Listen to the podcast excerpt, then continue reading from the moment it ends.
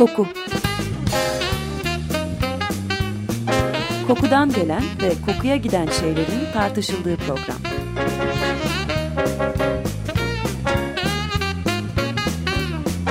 Hazırlayan ve sunan Vedat Ozan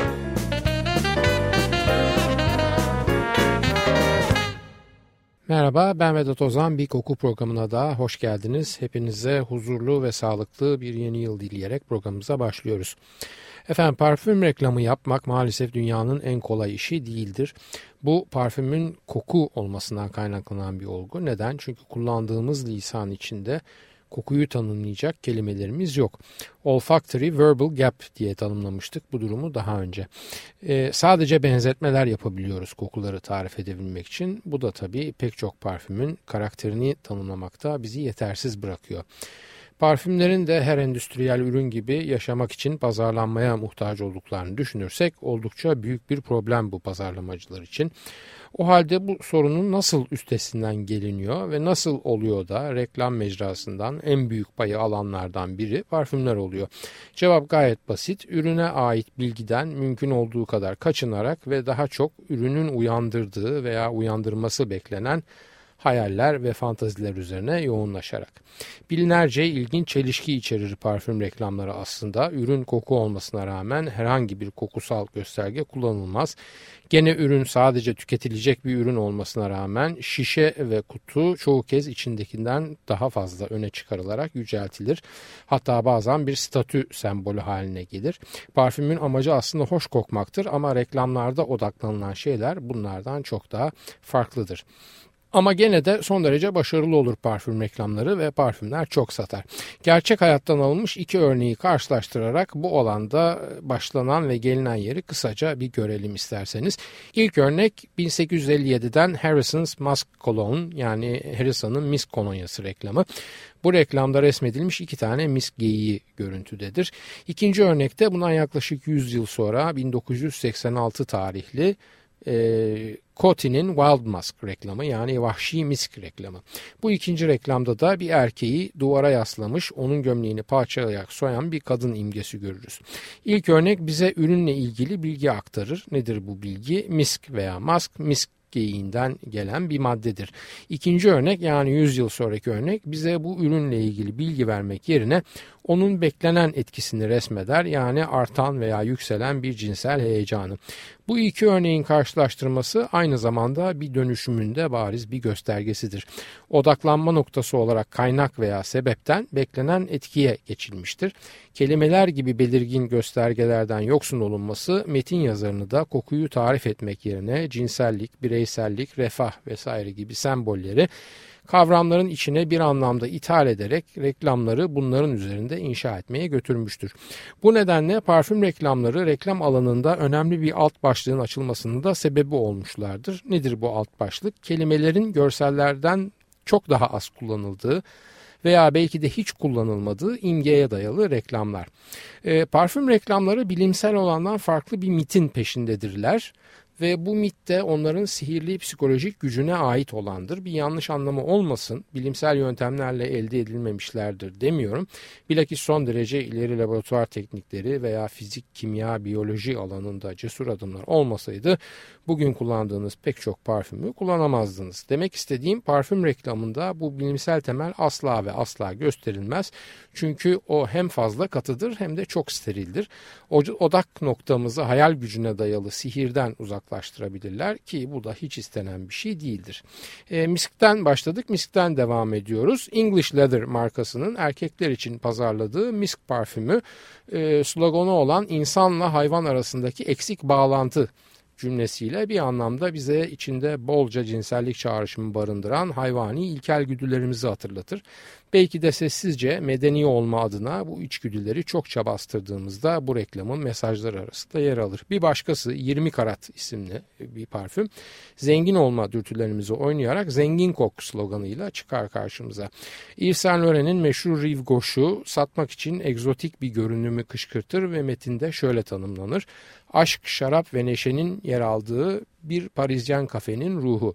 70'lerde çıkan Caro'nun Infini yani Sonsuzluk isimli parfümünün sloganı ise gizemli olmayı seviyorumdur.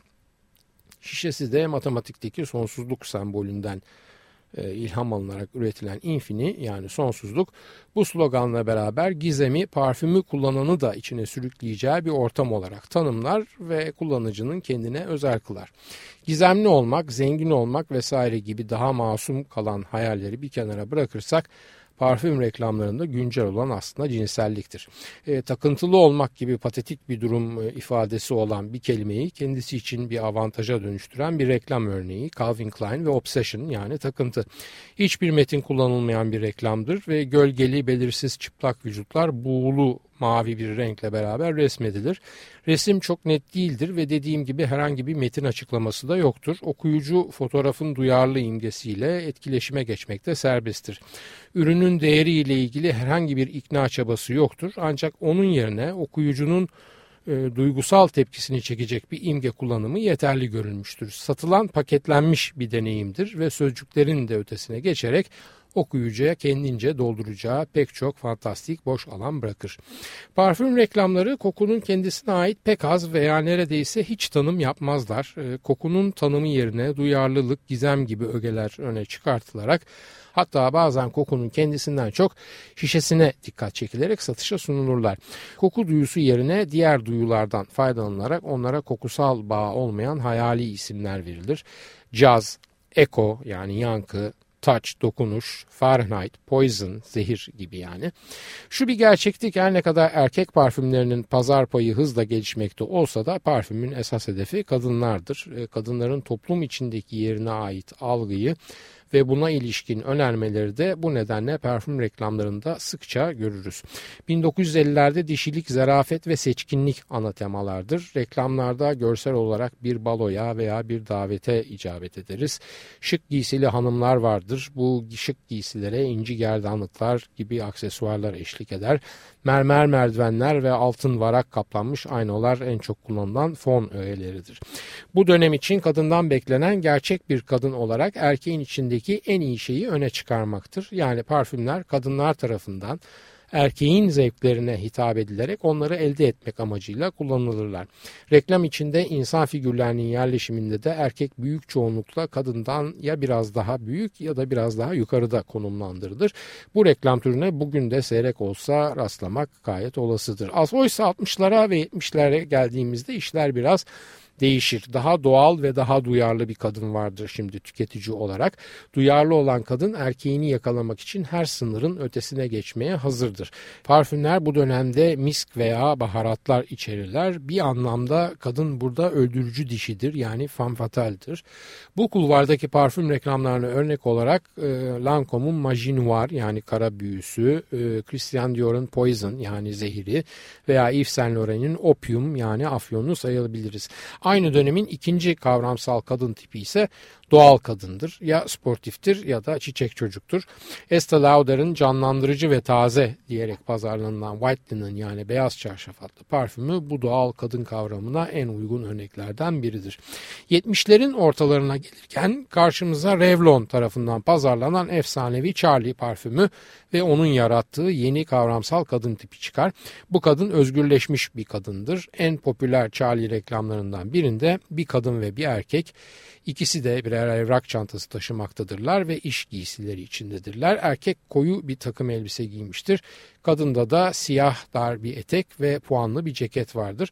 Kadın erkekten biraz daha uzundur ve erkeğin poposuna küçük bir tokat atmaya doğru meyletmiştir.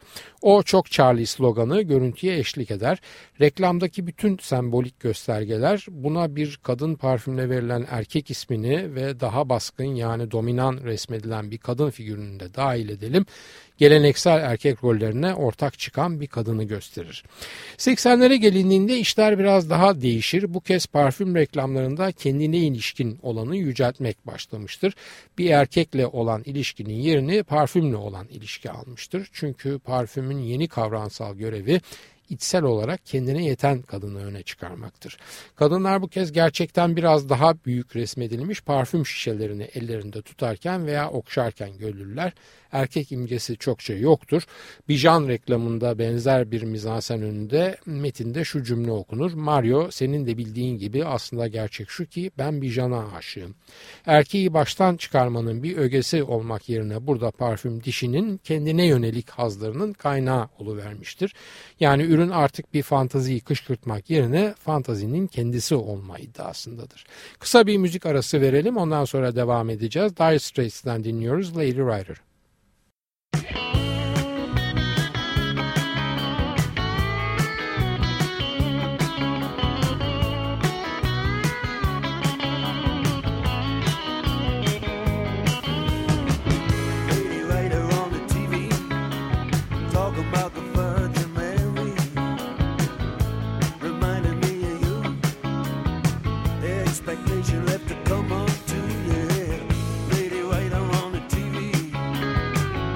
she had a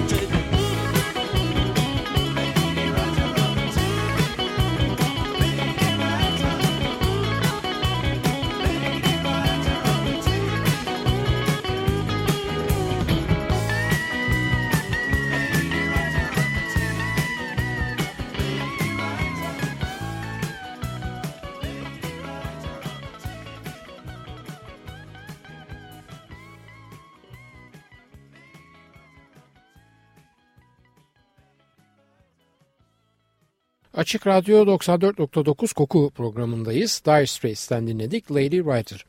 Biraz önce dediğimiz gibi aslında reklamlar genelde kadınlara ve kadın parfümlerine yöneliktir ama erkek parfümleri de dört nala peşlerinden gelmekte ve enselerinde nefeslerini hissettirmektedirler.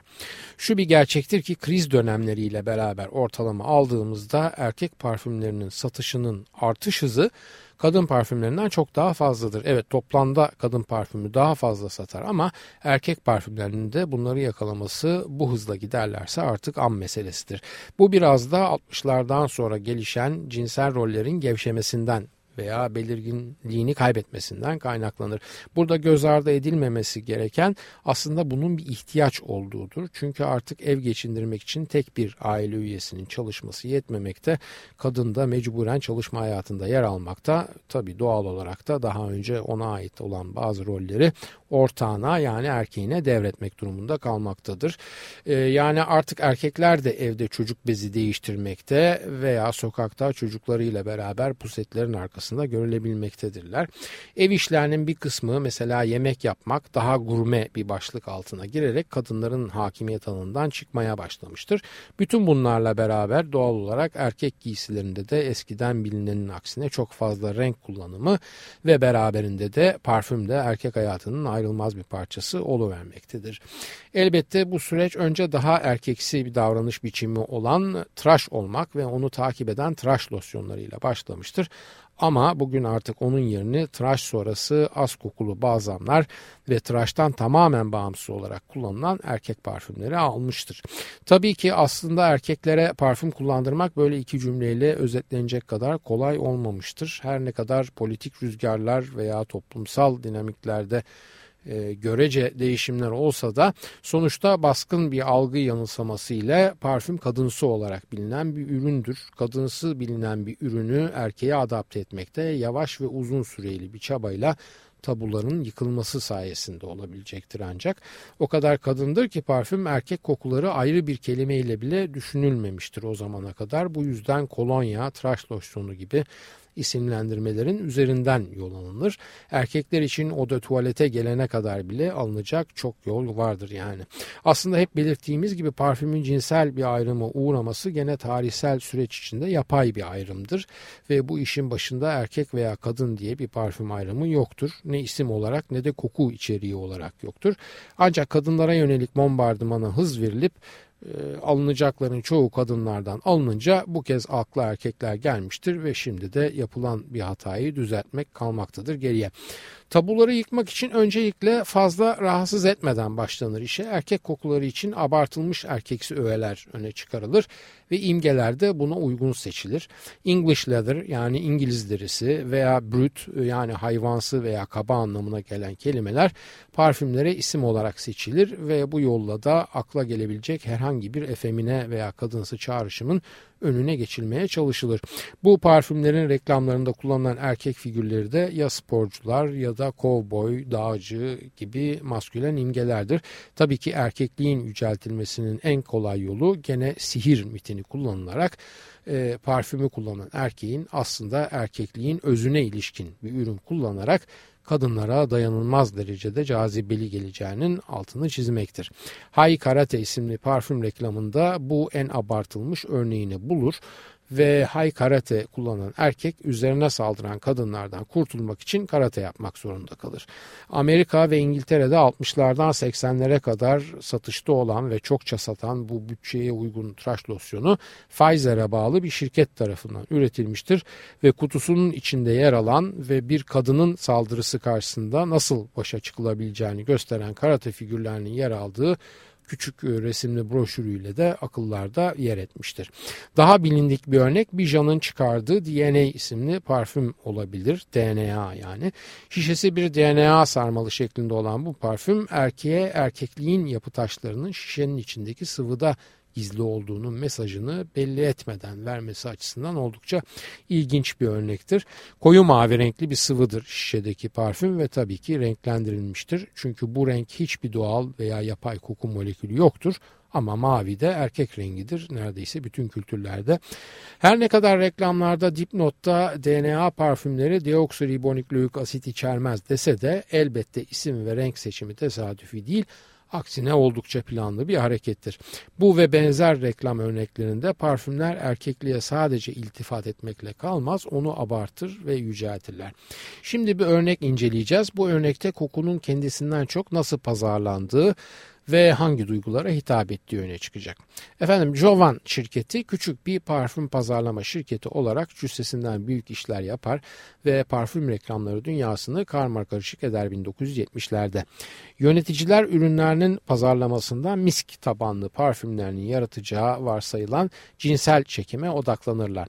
Sloganları cinsel cazibe artık doğuştan ona sahip olmanız gerekmiyor veya damla damla Jovan Mask yağı tarihteki bütün parfümlerden daha çok erkek ve kadını bir araya getiriyor gibi net ve açık mesajlar içerir.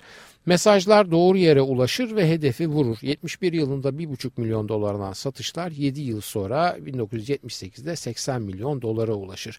Kuruluşundan 11 yıl sonra şirket 85 milyon dolara el değiştirir. Daha önce hiçbir koku dünyası deneyimi olmayan şirket kurucuları sadece ve sadece cinselliğe dayalı bir pazarlama kampanyasıyla 10 yıl gibi kısa bir sürede köşeyi dönüverirler. Aslında Bernard Mitchell ve Barry Ship banyo yağı ve banyo köpüğü üreten küçük bir şirketin sahipleridir. Şirketlerin ismi Jovan'dır çünkü Jovan kelimesinde Fransızca bir hava vardır öncelikle. İkincisi de piyasanın en büyüğü olan Revlon ve Avon'u andırır ses olarak Jovan kelimesi.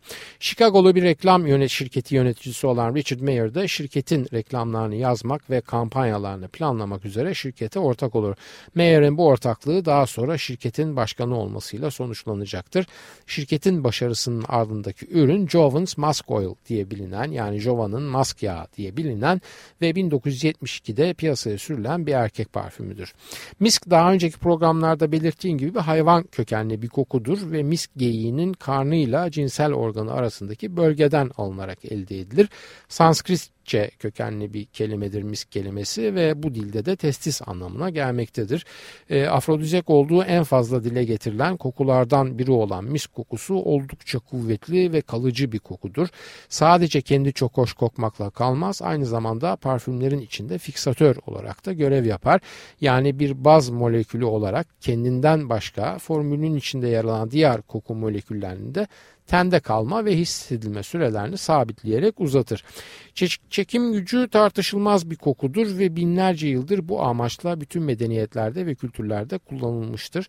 Ee, hayvandan bu misk keseciğinin alınması sırasında zavallı hayvan telef olduğu için e, kullanımı yasaklanmış ve doğal olanının yerine yapay olarak üretilmiş pek çok benzer aroma kimyasalı geçmiştir.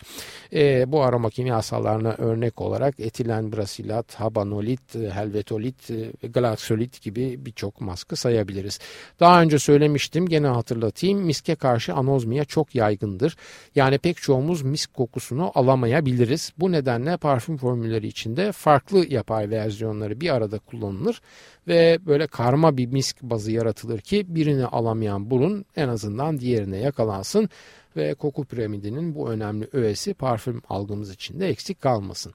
Evet ne demiştik? Jovan şirketinin başarısının ardındaki ürün Jovan's Mask Oil diye bilinen ve 1972'de piyasaya sürülen bir erkek parfümüdür. Ortaklardan Barry Ship bir gün Greenwich Village'den geçerken bir sürü genç insanın sokakta egzotik kokular satan hipimsi tiplerden küçük şişeler içinde bu üründen aldığını görür. O ana kadar sadece banyo yağı üreten şirketine sokakta gördüğünden ilham alarak bu fikri götürür. Misk parfümler için yeni bir şey değildir ama şirket üreticiyi kokuyu esas olarak tamamen misk üzerine inşa etmeye karar verince durum biraz farklılaşır. Tabii ki sadece kokuyu yaratmak yetmeyecektir ve bunun satılması için de agresif ve farklı bir reklam kampanyası da gerekmektedir. Şirketin ürettiği bu parfüme ilişkin bütün kampanya cinsellik üzerine kurulur tüketicilerin şirket ürünlerinden kullanmaları halinde karşı cinse yönelik garantili cinsel çekim ve başarıya ulaşacakları reklamların içinde direkt mesajlarla verilir. İnsanlar seks yaparlar ve eğer seksten kendilerine düşen paydan memnun değillerse Joven's Mask Oil hizmetlerindedir. Yani seks ve mahremiyet ödüllerdir ve Joven satın almak bu ödüllere ulaşmanın bir yoludur. 1977'deki bir reklamlarının başlığı şu şekildedir. Gürültülü öneriler, rahatsız edici davetler ve kaba tekliflerle dolu bir dünyadasınız. Siz de payınızı alın. Bir başka reklam bu kez ürün Joven Sex Appeal isimli tıraş sonrası losyondur. Şunu der. Satılık cinsel cazibe gelin ve kendinizinkini alın. Bu cümleye eşlik eden tek imge paketlenmiş Jovan şişeleridir. Paket dediysem öyle ahım şahım bir tasarım falan sanmayın. Söz konusu olan Daha önce Jovan reklamlarında yer alan sloganların üzerine yazıldığı basit bir kutudur. Bir de içeriye ilişkin bir not vardır bu pakette. Egzotik baharatların ve dumanlı ağaçların hayvani mask notaları ile örülmüş kışkırtıcı bir bileşimi. İyi de kardeşim nedir bu hayvani mask notaları? Hangi hayvandır bu koku notalarını veren? Hiç önemli değildir. Çünkü bu bilgi açıkça verilmese de tırlar dolusu ürün satılmaktadır. İşin ilginci o çok seçkin Fragrance Foundation yani Koku Vakfı da reklamları beğenmiştir. 1975'te ee, en heyecan verici ve yaratıcı ulusal reklam kampanyası seçerler. Jones Musk Oil'ın reklamını. Jovan'ın yöneticisi Bernie Mitchell da yılın en başarılı kişisi olarak endüstri ödülünü alır. Bugüne kadar pek çok tarihe geçmiş parfümden söz ettik ve bunların yapılarını, nasıl koktuklarını tanımlamaya çalıştık. Farkındaysanız Jovan Musk Oil için böyle bir kokusal tanımlama yapmadık. Neden? Çünkü gerek yok. Son derece ucuz birkaç yapay misk molekülü Üzerine aynı ucuzlukta ve sıradanlıkta birkaç odunsu molekül ve baharat takviyesiyle inşa edilmiş son derece basit bir parfüm çünkü. Başarısının sebebi asla ve asla kokusunun muhteşemliğinden gelmiyor. Hadi beğeni özneldir diyelim de muhteşemlik kelimesini bu cümleden çıkaralım. Peki bu kokunun ne bileyim Ciki veya Şalimar falan gibi herhangi bir ilki başarmak gibi bir iddiası veya gerçeği var mı? Yok. E, nedir peki geriye kalan? Sadece ve sadece son derece başarılı cinselliğe dayalı bir reklam kampanyası. Gene kendi reklamlarından hareketle söylemek gerekirse bu koku sadece bir mesaj losyonu. E, masaj demedim mesaj losyonu dedim. Özellikle dikkatinizi çekerim. Efendim süremizin sonuna geldik. Haftaya gene bu konu üzerine başka örneklerle devam edeceğiz. Soru, öneri ve eleştirileriniz için e-posta adresimiz kokuprogrami.yahoo.com Ben Vedat Ozan, radyonuz kokusuz kalmasın sevgilerimle.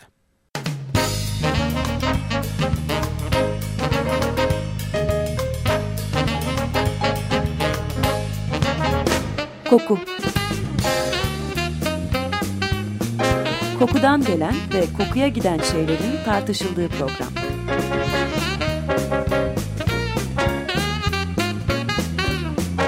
Hazırlayan ve sunan Vedat Ozan